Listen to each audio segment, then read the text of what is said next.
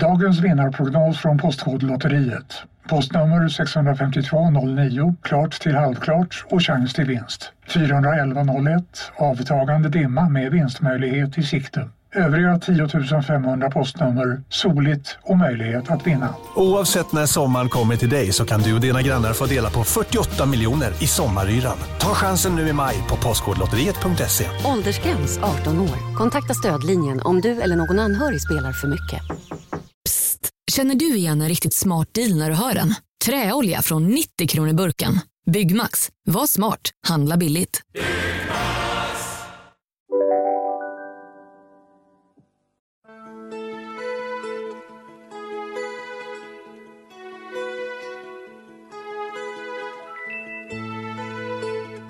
Happy New Year, Happy New Year have our hopes, our will to try Alltså jag älskar den låten Jag vill jag bara säga till att börja med. Och vi ska fira alltså- nyår tillsammans. Ja, det ska bli så mysigt ju. Ah. Det kommer bli crowded här hemma, men det kommer bli... Eh, finns det hjärterum så finns det stjärterum. Som Magnus och skulle jag älskar... Jag, skulle också kunna ha sagt det. Jag också, jag sa det just. Och, och så skyllde du på Magnus. Ja.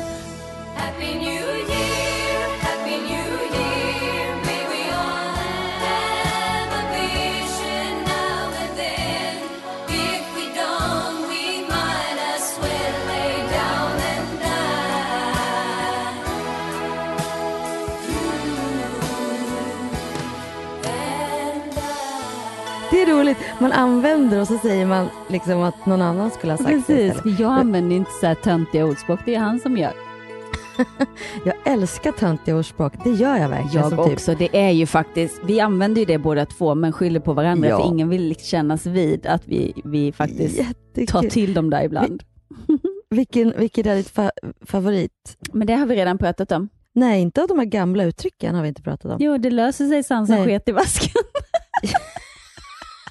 Det trodde jag var typ en vits, men det Ja. var det inte. Alltså. Det var ett gammalt ordspråk. Ett gammalt ordspråk, okej. eh, Nej, men sådär som typ, det kan du hoppa upp och sätta dig på. Eller nej, men finns det Kerstin. hjärterum så finns det stjärterum. Typ sådana, lite Ja. snällare liksom. Ja. Eller typ, du ska inte kasta sten i glashus. Den har jag aldrig sagt i och för sig. Jo, det, det har jag sagt många gånger. Typiskt människor som är så här hycklare, eller vad heter det? Ja, typ, typ sådana där som kastar sten i glashus. Nej, men det är väl jättemånga typiskt som inte lever människor. som de lär. Ja, det, det, det är väl typ de allra flesta, Ja. tänker jag.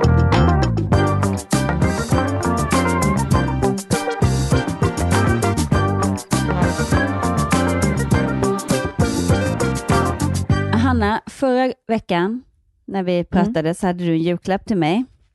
Ja. Nu har jag en julklapp till dig. Är det skuldklappen? Nej, vet du, den Nej. är faktiskt inte från Nej. mig, den är från Magnus.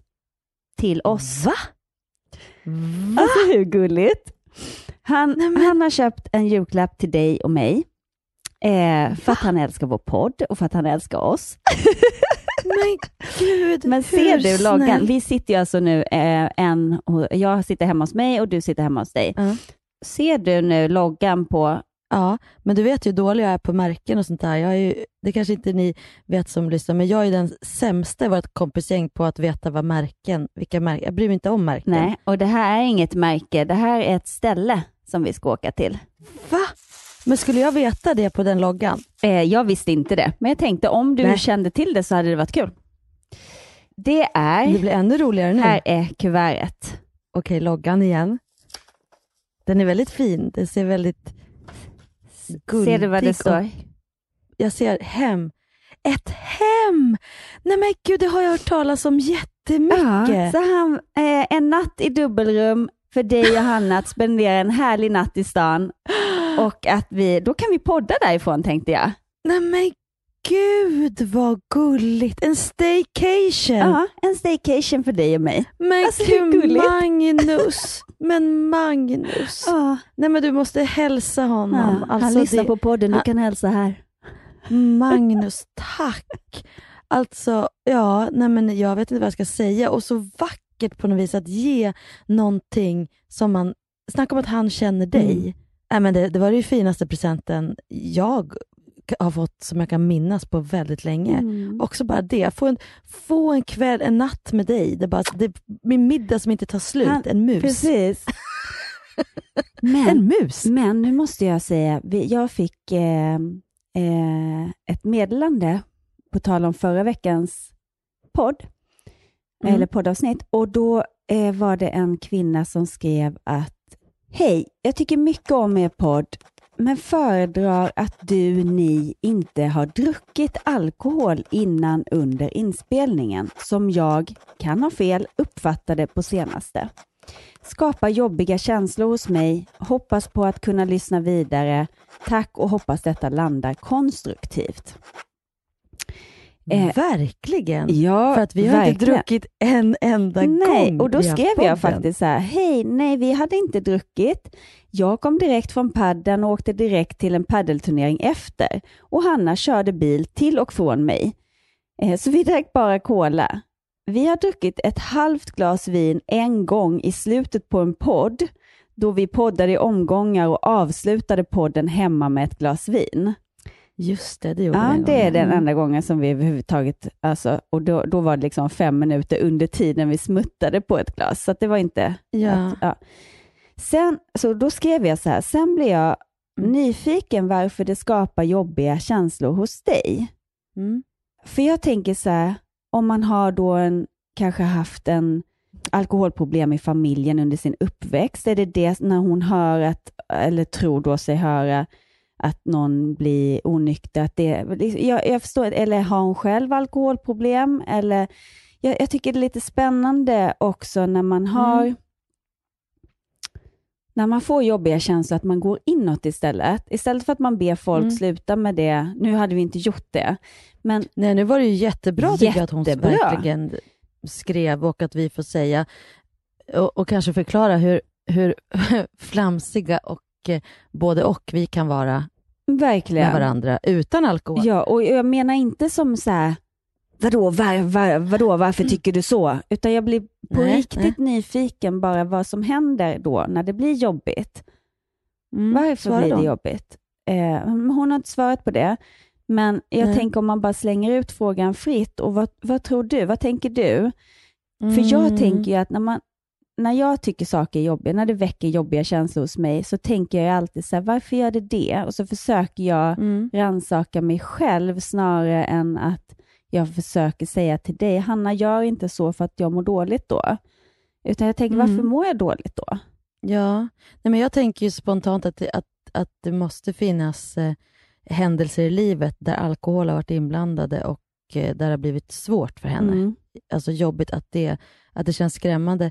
Och- Sen kan det vara bara att, att man är, känner att, att man inte får vara med. Alltså, jag kommer ihåg, liksom, jag tänker framförallt under tiderna när man har varit gravid, när man inte dricker en droppe och, och jag har inga problem att följa med ut ändå, men det kommer alltid till en punkt när folk börjar prata så här lite för nära, alltså att gränserna suddas ut. Det kanske inte är efter två glas vin, Nej. men det kommer jag ihåg var min första då, sådär, äh, verkligen att prata lite för högt och, och hur obehagligt det är när man är nykter, när de liksom, såhär, och det, det tänker jag. Men tycker du att det är på att- obehagligt? Jag tycker mest att det är tröttsamt och så åker jag hem. Ja, men alltså, jag, jag, får, ja, men jag åker också hem, det är det jag menar. Alltså, jag tycker inte det är obehagligt att jag blir rädd, men jag, det ger mig Nej, ingenting. Då tycker jag att precis. folk är på ett sätt som jag känner inte är, liksom, eller man är inte på samma våglängd. Liksom, där. Men jag har ju ganska okomplicerat förhållande till alkohol. Jag tänker det, jag är uppvuxen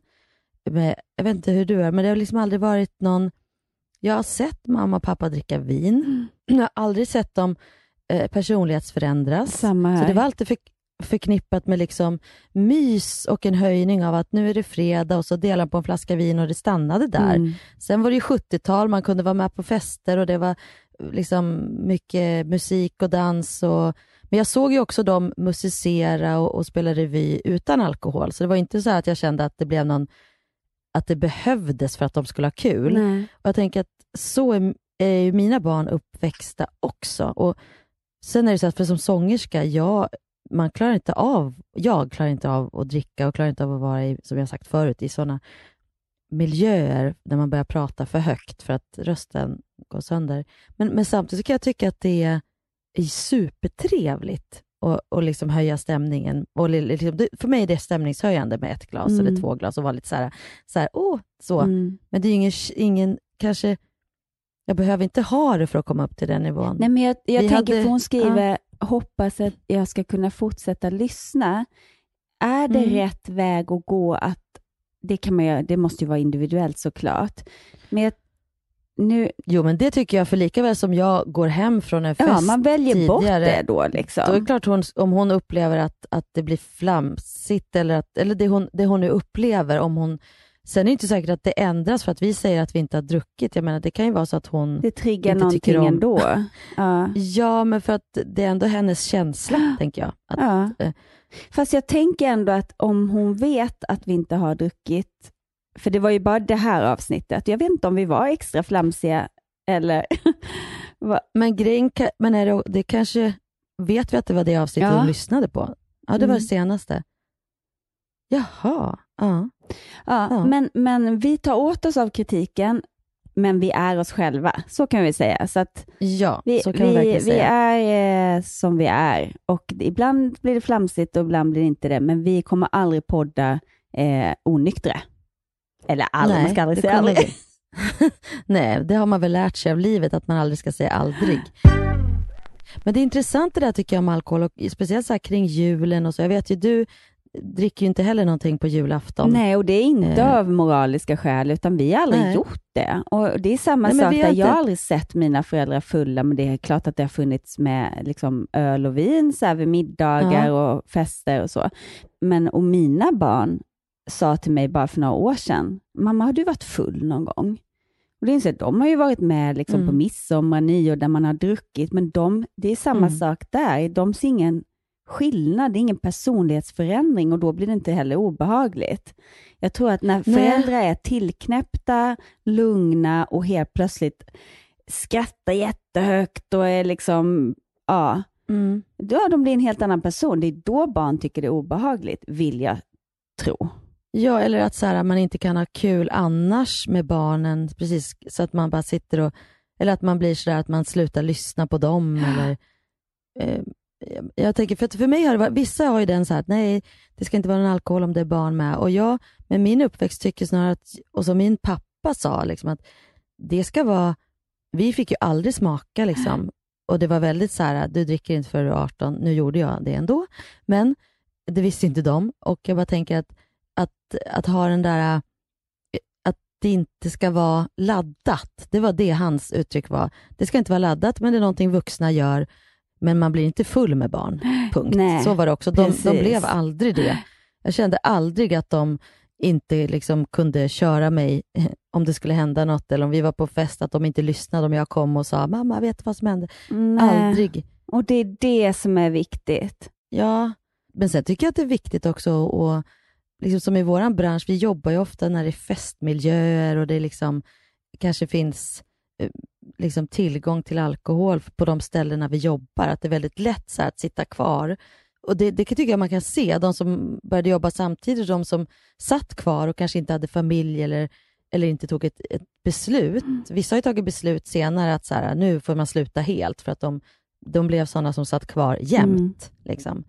Men, men jag har en bekant som, ja, men, som har haft eh, alkoholproblem och som då inte dricker längre. Och hon säger att du hjälper inte mig av att inte dricka när du är med mig. Du kan ju ta ett glas vin. Jag måste ju också utsättas Mm. för att du tar ett, men jag kan inte ta ett. Eh, Nej, men då har man precis. kanske kommit lite längre och man har verkligen varit ner och insett att man har ett problem. En del kanske inte går så långt Mm. som, som att, de, ja, att de är alkoholister, men kanske känner själva, oj, jag dricker lite för mycket bara. Den är Mm. nog lite svårare. Ja, precis. Lite mitt i mellanlandet innan det har gått liksom för långt. Men jag har också en, en vän som gick igenom den resan och just det där att det var så tydligt, för att jag säger hen, men hen, eh, det var så otroligt tydligt om vi reste och så här, om man tog ett glas vin till lunchen som jag älskar. Det kunde aldrig bli bara ett glas vin eller en öl. Och eh, när hen erkände det för sig själv, liksom, så var det ju just det att så här, såg inte poängen med att ta ett glas vin. Nej. Och jag ser en jättepoäng med att ta ett glas vin eller två. Perfekt! Ja. Det är liksom det bästa. Det är inte det bästa att bli... Eh, jag vill aldrig tappa kontrollen till exempel. Men för, för henne var ju det liksom, det var ingen poäng att ta två. Det gick inte att öppna en flaska och lämna halva till en annan dag. Nej, och det är liksom. väl det som folk säger Ja. kännetecknet att man har alkoholproblem. Att du, Mm. du kan inte ställa in tillbaka flaskan, utan du dricker tills den är slut. Och så sen lite varför, om man använder det för att stressa ner eller för att eh, liksom, jag är ledsen, jag tror att jag blir glad av alkohol. De också hur man ställer sig till det rent mentalt. Mm. Ja, där får man också vara aktsam tror jag, och uppmärksam hur man använder det. Eller om det blir som en sån, liksom, åh jag behöver det för att varva ner. Exakt. Ja, men, men till den här lyssnaren, tack för att du skrev och jag hoppas att det känns bättre av att vi inte hade druckit och att du kommer fortsätta lyssna.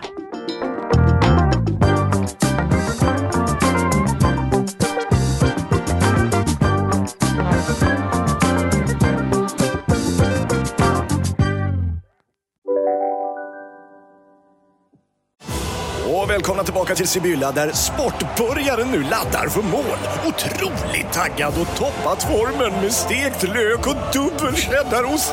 Det här blir en riktigt god match! Sportbörjare, ett original i godaste laget. Från Sibylla. Hej, Synoptik här. Visste du att solens UV-strålar kan vara skadliga och åldra dina ögon i förtid? Kom in till oss så hjälper vi dig att hitta rätt solglasögon som skyddar dina ögon. Välkommen till Synoptik. Dåliga vibrationer är att gå utan byxor till jobbet. Bra vibrationer är när du inser att mobilen är i bröstfickan. Alla abonnemang för 20 kronor i månaden i fyra månader. Vimla! Mobiloperatören med bra vibrationer. Har vi pratat om julen? Nej, det har vi inte. Hur var din jul, Hanna? Nej men det var ju liksom speciellt. Vi var ju separerade eh, ish förra julen också, men det här var ju första som där vi verkligen har liksom levt isär i ett år med varannan vecka. Så det är klart att det här var liksom första isär. Men det kändes ändå självklart att fira julen ihop och eh, tror jag för oss alla, verkligen. Mm. Och det var så bra val känner jag. Det var jättetrevligt. Mm. Vi brukar vara som sagt vara i Hälsingland och brukar börja i kyrkan. Så jag kollade lite grann vad som fanns eh, på Lidingö och Lidingös kyrka. Och då visade det sig att de hade så här julbön för barn. Eh, så barnen hade sovit hos Martin, men så mötte jag upp dem på vägen dit så gick och tog en promenad till kyrkan, där Lina och hennes killar också var. Och så var vi där och, i 40 minuter och sjöng julsångerna och de läste liksom evangeliet. Och jag är ju inte troende på det sättet, men jag tycker det är så fin stund på morgonen. Och, men så var det så kul, för så säger Eide till Lina, Lina berättade, att han sitter där och så bara, men mamma, vad är det här egentligen? Och Lina blev så här, för, bara, vad ska man svara? Så här, där står det, de hade satt fram jättegulligt, liksom gjort en julkrubba och lite gosedjur som fåren och vis, alltså så här, gjort det väldigt barnvänligt. Så att han så här, såg det utifrån och bara, mamma vad är det här? Och liksom, Lina kunde inte svara och sen bara, men du vet vad är det? Det det är snart slut, det är bara en sång kvar. Han bara, yes! Men så gulligt. Men alla de andra barnen, inklusive 18-åringen, var verkligen så här ville gå. De går ju aldrig resten av året, men det har blivit som en tradition och mysigt. det är fint. Och jag måste dela med mig vad en eh, präst sa till mig angående det här, för jag har ju sjungit i kyrkokör sedan jag gick i andra klass och egentligen har jag tänkt att det är konstigt att jag inte har blivit någonstans frälst på det Ja. sättet, för att jag har ju suttit i kyrkan i så många timmar så du anar inte. Liksom. Från andra klass upp till gymnasiet varje söndag nästan var vi där. Och, Jag också. så, är det Ja, sant? jag gick ju också så vi inte- kyrkans barntimme och ky- barnkör. Ja. Och, ja. Men och då har jag tänkt så här, men gud, vad hade, varför, varför nådde aldrig mig budskapen riktigt? Eller, Fast jag, jag kan säga, jag, jag skulle ändå säga att jag är kristen även om jag inte är liksom troende och går i kyrkan hela tiden. Men jag kan ändå, ja, men jag läste i den här barnens bibel när jag var liten, tyckte den var mysig, Mm. men det kanske var mer som en saga än, än, än för, mig, för mig var det så svårt alltid att ta, ta in det här med skulden, att någon hade gjort någonting för min skull. Att, att, att Jesus hade liksom dött för min skull. Jag tyckte att det var en otroligt jobbig tanke. Ja. Och sen när jag var i kyrkan tyckte jag att det alltid bara var högtravande och, och det här liksom eh, väldigt auktoritärt. Jag har haft svårt också med auktoritärer och så här. Men, men så sa en, en präst till mig, det här är bara några år sedan, jag tyckte det var så fint när vi diskuterade det här. Eh, Och jag har ju kanske mer, ett mer andligt, alltså jag kan säga Gud, men jag tänker inte på honom som en, en, en pappafigur Nej. som straffar och belönar. Och så här. Jag tänker mer att vi har Gud inom oss allihop. Alltså, jag menar ett annat Mm. sätt. Men då sa den här prästen, och det här tyckte jag var så fint så jag vill dela det. Men Hanna, jag ser att krubban är du. Du är det lilla barnet, du är de tre vise männen, du är mamma, pappa, du är, du är allt. Och på julen kanske vi hedrar det lilla barnet i oss. Och det tyckte jag var Nej, men så nu har jag gåshud över hela kroppen. Men då, då kände jag bara, och, och att en präst i Svenska kyrkan sa så, för mig lät det väldigt andligt, eller vad ska jag säga. Ja. Och andlighet är ju, alla kristna, nu låter det som att jag säger att, att kristna inte är andliga, det, det är klart man är. Och egentligen kanske det, att iba- ibland behövs det bara ett synsätt för att så här, för det, det kunde jag ta till mig och känna att ja, helt plötsligt fick julkrubban en helt annan innebörd. Mm. Och liksom att vi alla, och när vi läste igår, tryggare kan ingen vara eh, än Guds lilla barn, se till mig som liten är. Då blev det också så fint att se till mig som liten är, så att vi Mm. alla vårdar det där lilla barnet. Mm. Och det hade jag liksom nästan aldrig hört förut. Jag, Liksom. jag trodde att de sjöng Trygga räkan, alltså räkan. Ingen var... räkan. Vem är den här supertrygga Ja, räkan? Så Kan man få trygg. Jag vill också vara som den där Kan man- räkan. Så jävla trygg. en så otrygg räka?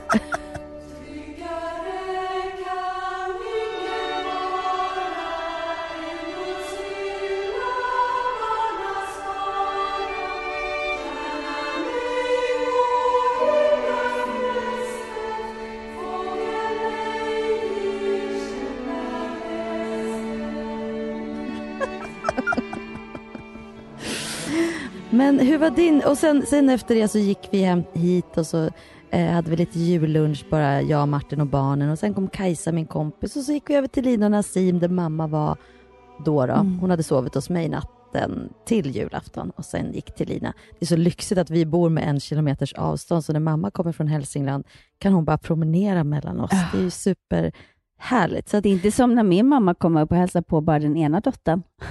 Sa hon bittert. Nej. Men det kunde väl hända när vi bodde så här, när jag bodde här och de bodde inne i stan. Alltså då, då är det, det blir avstånd Mm. ju. Eh, Men när man bor så här och kan ta sig till fots, då, jag vet inte hur din mamma är, men min mamma vill ju inte köra i Stockholm till exempel. Nej. Ja, men gud vad, vad mysigt. Och då gick ni över till Lina. Och vi brukar alltid göra så att alla hjälper till, liksom, Ja. så att man har sina eh, områden som man tar tag i. Eh, men så tittade vi först på Kalle och jag hade så här försnacks och småkakor och alla kom med olika godisar och så. här. Jättemysigt. Och sen, och sen eh, satt vi bara och pratade och myste och, och så kom ju då tomten, förstår du. Det är så roligt, för jag tänkte man, man kunde ju hyra Torsten Flink i år. Såg du det? Nej, du driver. Jo. Ja, så att jag gjorde det. Nej, det gjorde jag inte. Jag hyrde, jag hyrde Kajsa Ernst. Hon var gratis. Ah, gud vad. Nej, men det var så kul, för Kajsa har aldrig varit tomte då. Det är min kompis, hon är också skådespelare för er som inte vet. Men hon, så hon kommer, har ju suttit med hela liksom, eh, eftermiddagen och så bara, jag måste gå och ringa min familj lite grann. Så, där. så att hon gick iväg och ingen tänkte på det av barnen. Och så då kommer tomten, förstår ni, och pratar ju skånska. Var ju helt, och hade en mycket mörkare röst. Hon gjorde verkligen det så bra. Alltså ingen, Eh, alltså, framförallt då Eide yngsta, men även de här nioåringarna, var, de, de anade inte vem, Nej. vem det var. Och jag var hela tiden så bara, åh vi borde gå ner och hämta Kajsa, men jag kan inte avbryta nu när hon pratar med sina föräldrar. Eller, liksom, eller vad säger inte föräldrar, med sin brorsa och, och släkt. Så att, nej, vi, vi får ta henne. Men vad synd att hon missat tomten.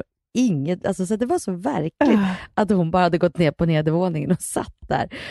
Och Eide tyckte det var världens bästa tomte. Bästa tomten i hela världen. Åh, jag kan tänka mig det. Såg du vår tomte på sociala medier? Jag såg det och jag kände igen tomten Tom, lite. tomten hade tagit Pernillas löshår och använt som skägg. Man tager vad man har tänkte tomten. Ja, men också, för det var en ung tomte, så han hade inte grått Ja. skägg eller vitt skägg, utan det var ju lite blont. Lite poppig tomte. Ja.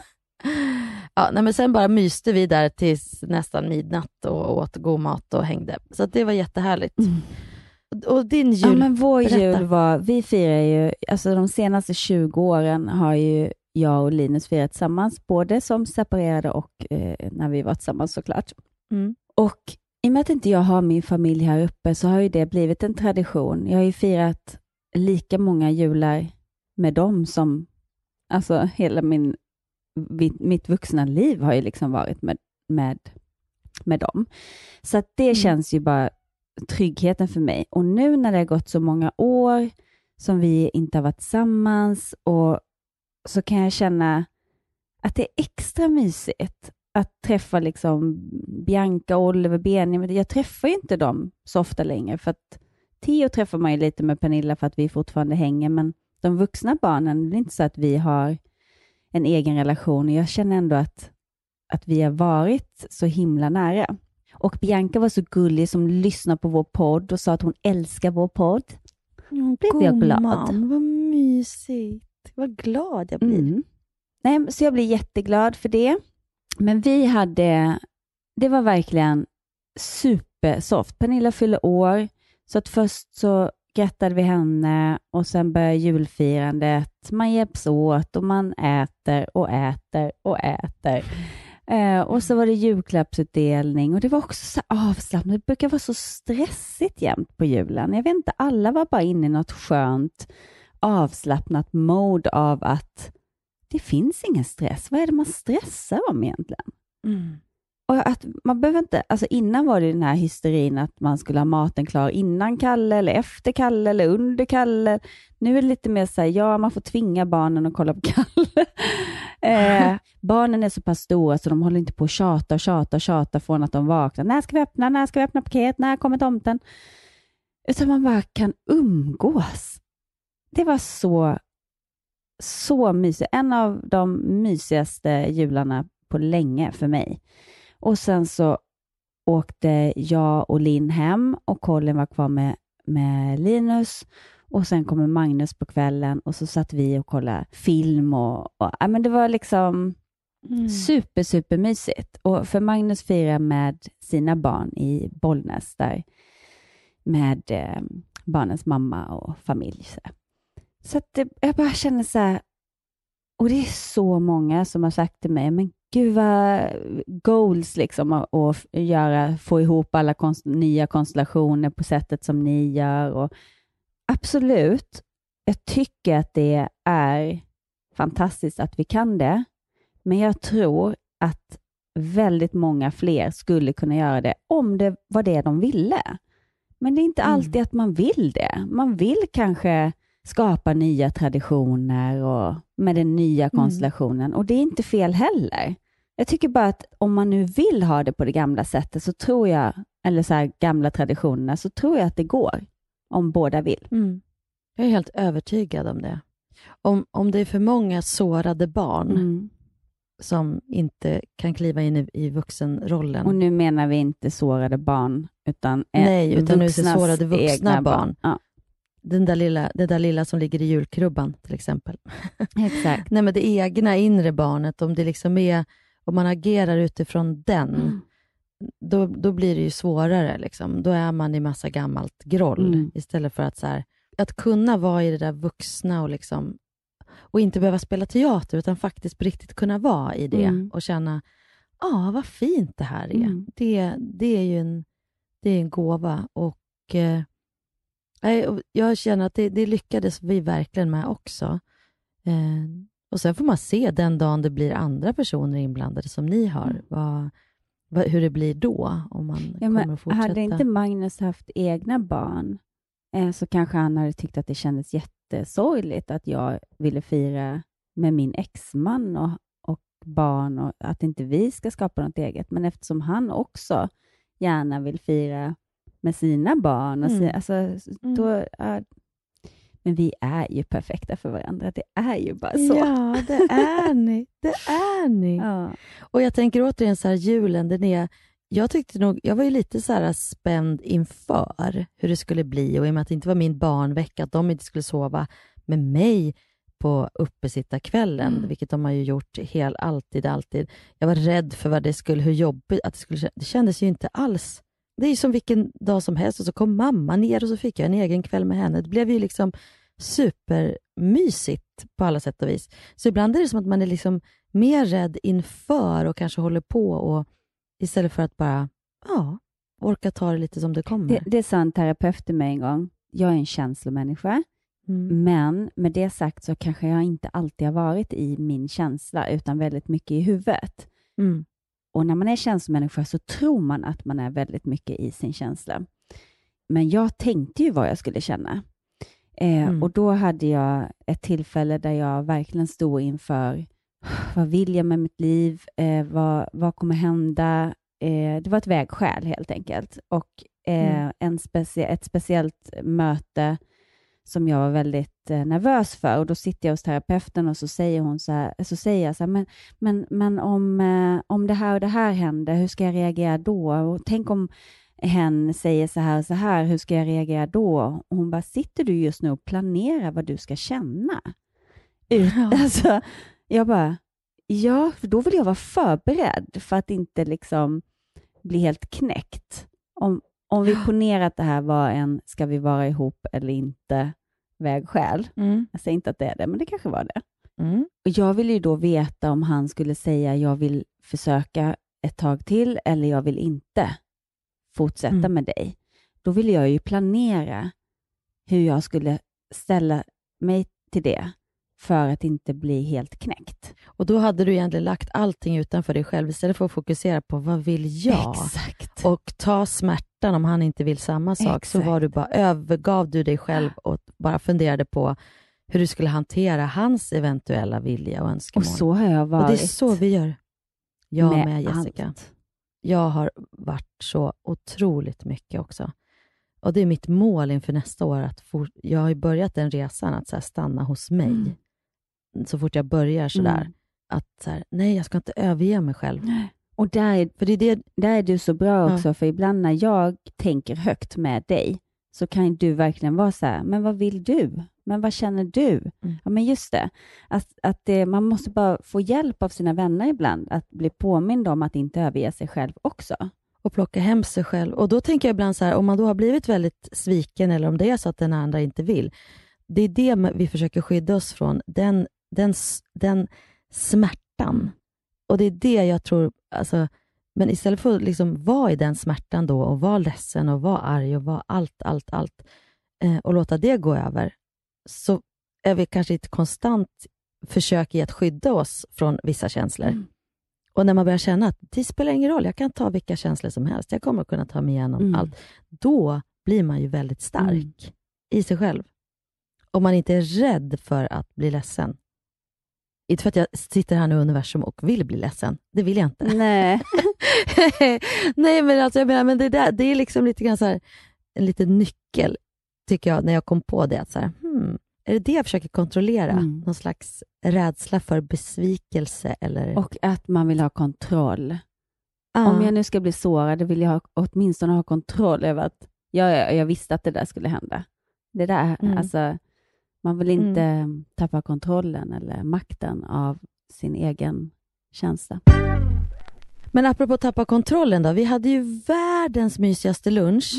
Du var, alltså, det var så mysigt, det var mysigt hela, hela, det blev ju en lus, Ja. en lunch utan slut. Ja, som var, Precis som jag älskar. Åh, ja, det, det är fantastiskt. Och det var sån fantastisk uppslutning. Folk kom och gick och kom tillbaka. Och, eh, Ja, det var så, och vilka mysiga samtal Mm. och skratt. Och, Nej, jag, jag fattade att jag var på samma ställe på riktigt i typ tio timmar. Jag kom väl typ 12 och gick 10 på kvällen. Det är galet. ja. Men det kommer liksom nya härliga människor och man hamnar i olika samtal. och, Precis, och så sen var det härligt. också, även om det var samma människor mycket, så flyttade vi runt lite och bytte Ja. bord och då hamnade man med någon annan och det känns som ett helt nytt sällskap. Så himla mysigt. Ja. Men under det här, vi var ju väldigt många som jobbar i, i eh, live-scensunderhållningsbranschen Mm. på den här lunchen och under tiden så, så var ju pressträffen klockan två Ja. då. Den 21 var ju det här, Mm. december. Och apropå just det här med att tappa kontrollen, att nu är vi ju här igen, att det har kommit restriktioner som säger att man inte får vara mer än 500 pers i lokaler. Jo, man får det. Jo, om man kan ha en meter emellan sig, vilket betyder då i live, livesammanhang att du måste hyra ett ställe som Globen eller större, nej men liksom så stort för att kunna ta in 500 pers. Det, och teatrarna som tar 1000 och som har gjort en budget på att sälja biljetter kanske för 800-900 för att gå runt med alla löner och allting, kan då alltså inte ta in mer än 500 pers. Men fattar inte regeringen Vilket det? gör att det blir helt omöjligt för oss att jobba och få någon lön överhuvudtaget. Så nu är vi här att vi inte vet om vi ska börja. Oslo är ju inställt. Ja. Där skulle vi ha varit den 13 januari. Men giggen i Sverige, vi vet ju inte än om vi kommer att börja jobba eller inte liksom i januari. Och nu, konstigt nog, så kan jag känna mig lugn inför det faktum att jag inte vet. För förra gången pandemin kom, då var man ju någon slags så här kaos, fritt fall-känsla. Mm. Vad är det som händer? Mm.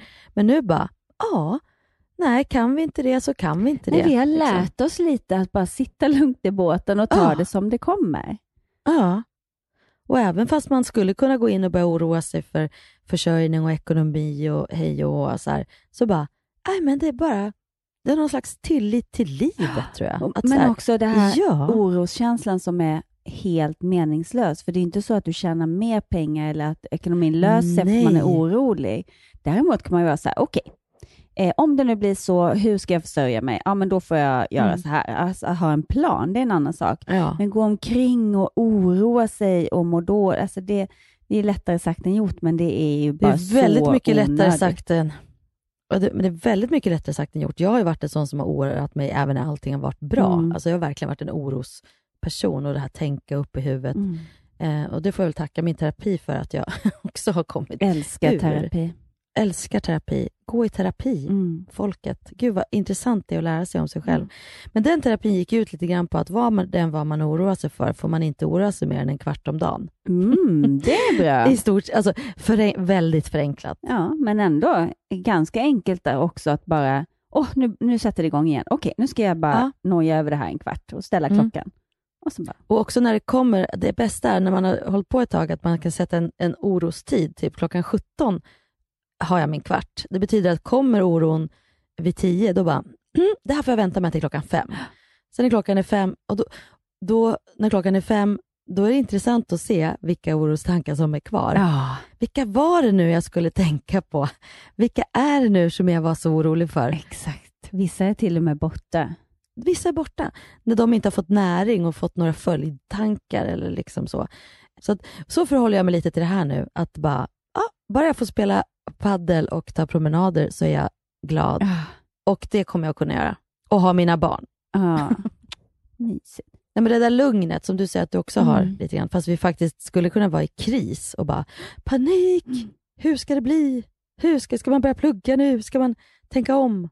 För det har ju varit en, en liten stund på min kvart då, när jag irriterar mig, eller oroar mig, då hade jag ju den så här, nu blir det så här igen. Tänk om det går ett helt år och jag hade kunnat börja plugga, men jag vet inte det nu, för att jag får bara veta två veckor i taget, typ, vad som händer.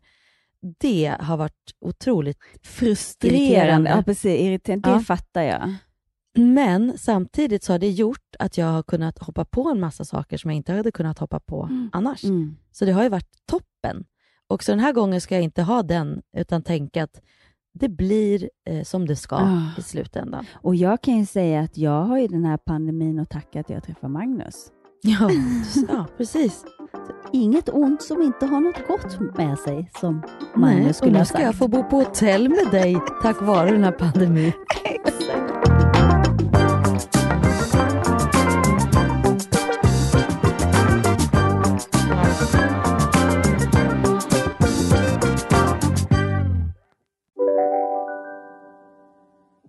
Om en sous vide är på väg till dig för att du hörde en kollega prata om det och du råkade ljuga om att du också hade en och att den var så himla bra att maten blev så otroligt god och innan du visste ordet av hade du bjudit hem kollegan på middag nästa helg för att du sålt in din lågtempererade stek så bra att du var tvungen att beställa en på nätet fort som attan. Och ja! Då finns det i alla fall flera smarta sätt att beställa hem din sous vide på. Som till våra paketboxar, placerade på en plats nära dig och tillgängliga dygnet runt. Hälsningar Postnord. Välkommen till Unionen. Jo, jag undrar hur många semesterdagar jag har som projektanställd och vad gör jag om jag inte får något semestertillägg? Påverkar det inkomstförsäkringen? För jag har blivit varslad, till skillnad från min kollega som ofta kör härskarteknik på möten och dessutom har högre lön trots samma tjänst. Vad gör jag nu? Okej, vi tar det från början. Jobbigt på jobbet. Som medlem i Unionen kan du alltid prata med våra rådgivare. Hej, Susanne Axel här. När du gör som jag och listar dig på en av Krys vårdcentraler får du en fast läkarkontakt som kan din sjukdomshistoria. Du får träffa erfarna specialister, tillgång till lättakuten och så kan du chatta med vårdpersonalen. Så gör ditt viktigaste val idag, lista dig hos Kry. Jag vill höra nu, det är ändå nyårsavsnittet, en liten årskrönika. Jessica. Alltså, Nej men du får börja. året- Gud vad svårt. Årskrönika. Du börjar. Din årskrönika. Okej. D- Min årskrönika, det här året har ju varit kanske, ska vi sätta så här poäng på typ familjeliv, karriär. Och livet overall. Ja, personlig. Overall, personlig, liksom så. Jag, det här har ju varit ett helt galet år. Mm. Det var ju inte nu pandemin kom, den kom ju förra året. Mm. Ja, Det har pågått i två år nu, eller hur?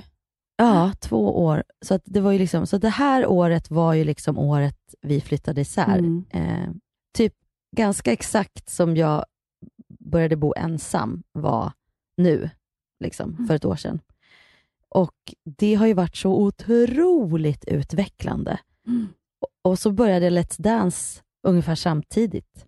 Och det var också otroligt utvecklande. Jag är så tacksam för den resan.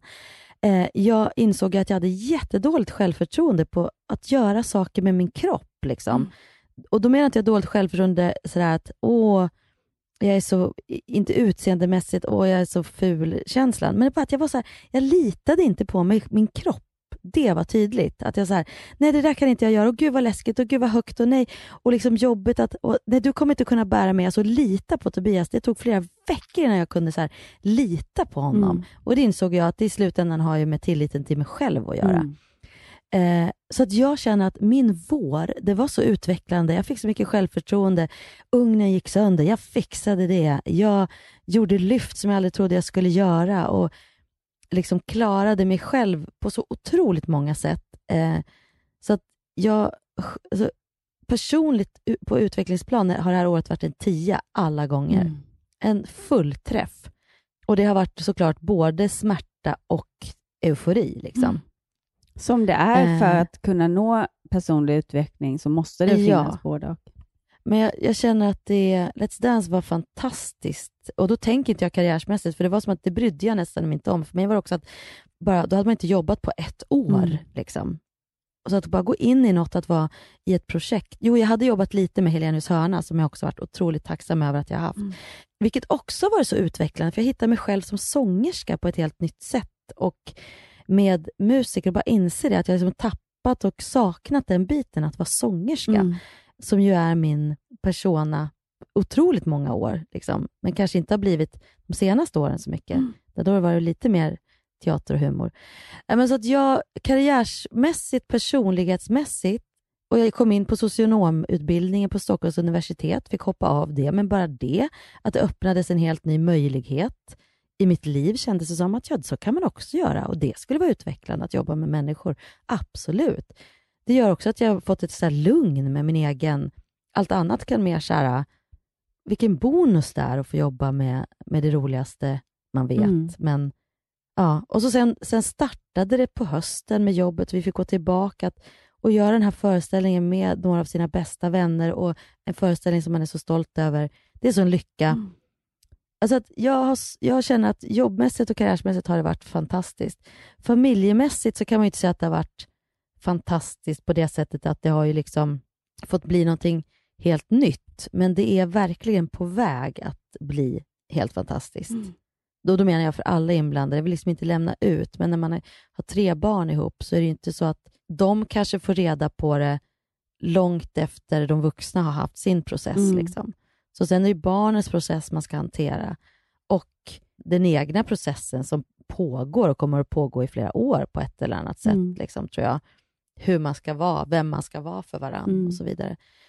Men så att där får jag väl lägga en... Det är ändå på uppgång, men det har varit ju både etta och upp på en...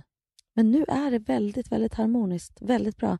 Så svårt att ge ett poäng på det, Mm. men eh, för att den känns som att den är så, har varit så föränderlig. Mm. Ja, vad var jag mer? Karriär, familj, året och personlig utveckling, 10. Ja, för att det har varit ett år som har innehållit precis allt och, och extrema utmaningar Mm. och extrema erövringar, om du förstår vad jag menar. Att man liksom har erövrat sig själv. Den känslan har jag. Jag liksom återfann mig själv det här året. Ja, fantastiskt. Så du sätter väl en 10 overall då? Gör du det? För det har varit etta och 10. Är Ja, det här tror det bästa? Nej, det är inte det bästa på det sättet att det finns ju år som bara varit eufori. Typ, åh, vi får barn, åh, allting är så bra. Men det har varit en tia på ett annat sätt. Liksom. Ja, jag, jag tänkte säga tia på typ allt, för att allting är bara helt perfekt i mitt liv just nu. Eh, men det, det är så tråkigt, tänker jag, för att det finns ju alltid saker som kan bli ännu roligare, ännu bättre, ännu eh, som man kan jobba på. Och personlig utveckling eh, blir man liksom aldrig klar med. Nej. Och det har jag en, också en bekant som sa att han hade gått hos en psykolog tre gånger, men sen hade psykologen sagt till honom att du behöver inte komma mer. Du skulle kunna jobba med det jag gör. Du är klar. Jag bara, sa verkligen psykologen så? Jag har Jag tror jag väldigt tänker, svårt att tro vad det. sa han till psykologen? Hur mycket berättade han om sitt inre? Tänker jag. Exakt. Ja, är väldigt roligt. Man blir ju aldrig klar. Och, eh, så jag tänker att jag sätter 9, 9, 9. För då finns det Mm. utrymme att eh, kanske... Och sen, jag blir lite rädd att säga 10, 10, 10. Jag, då, jag får lite så här panikångest att det är lite för bra för att vara sant. Jag fattar, men det, det tycker jag å andra sidan att man får göra. Jag, jag sätter ju en tia fast jag har varit mer, alltså att det varit det jobbigaste året på sjukt många sätt. Alltså på jättemånga Ah. sätt har det varit det jobbigaste året i mitt liv. Och ändå sätter jag en tia på året för att Precis, övervinna och det kan sätta, vi kan sätta 10 nästa år också, fast då kanske det har varit på ett helt annat sätt. Så det, det, Ja. det säger inte att det inte finns utrymme för andra delar, så här, men overall 10, då sätter jag 10 också. Ja, men du har känt en enorm tacksamhet det här året ju och, tyck, och liksom varit så lycklig som du aldrig har varit. Och, alltså, eller på väldigt länge. Alltså det är så här, då, ja, men då, då är det väl en tia. Vad, vad kan man, och, och så är man så här, varför vågar man inte säga det? Mm. För jag menar, jag kan ju säga att det finns ju delar i mitt liv jag aldrig vill återuppleva som har skett förra året Mm, mest. mm. Men också sviter av det det här Mm. året. Liksom, ju. Men, men jag vill ju absolut att det har hänt för där jag befinner mig nu är ju liksom så mycket bättre Mm. än vad det varit på väldigt, väldigt, väldigt, väldigt, väldigt länge. Mm. Och vet du, vi ses på nyår. Och. Ja, vi ska väl bara önska alla ett riktigt gott nytt, Gott nytt år. år.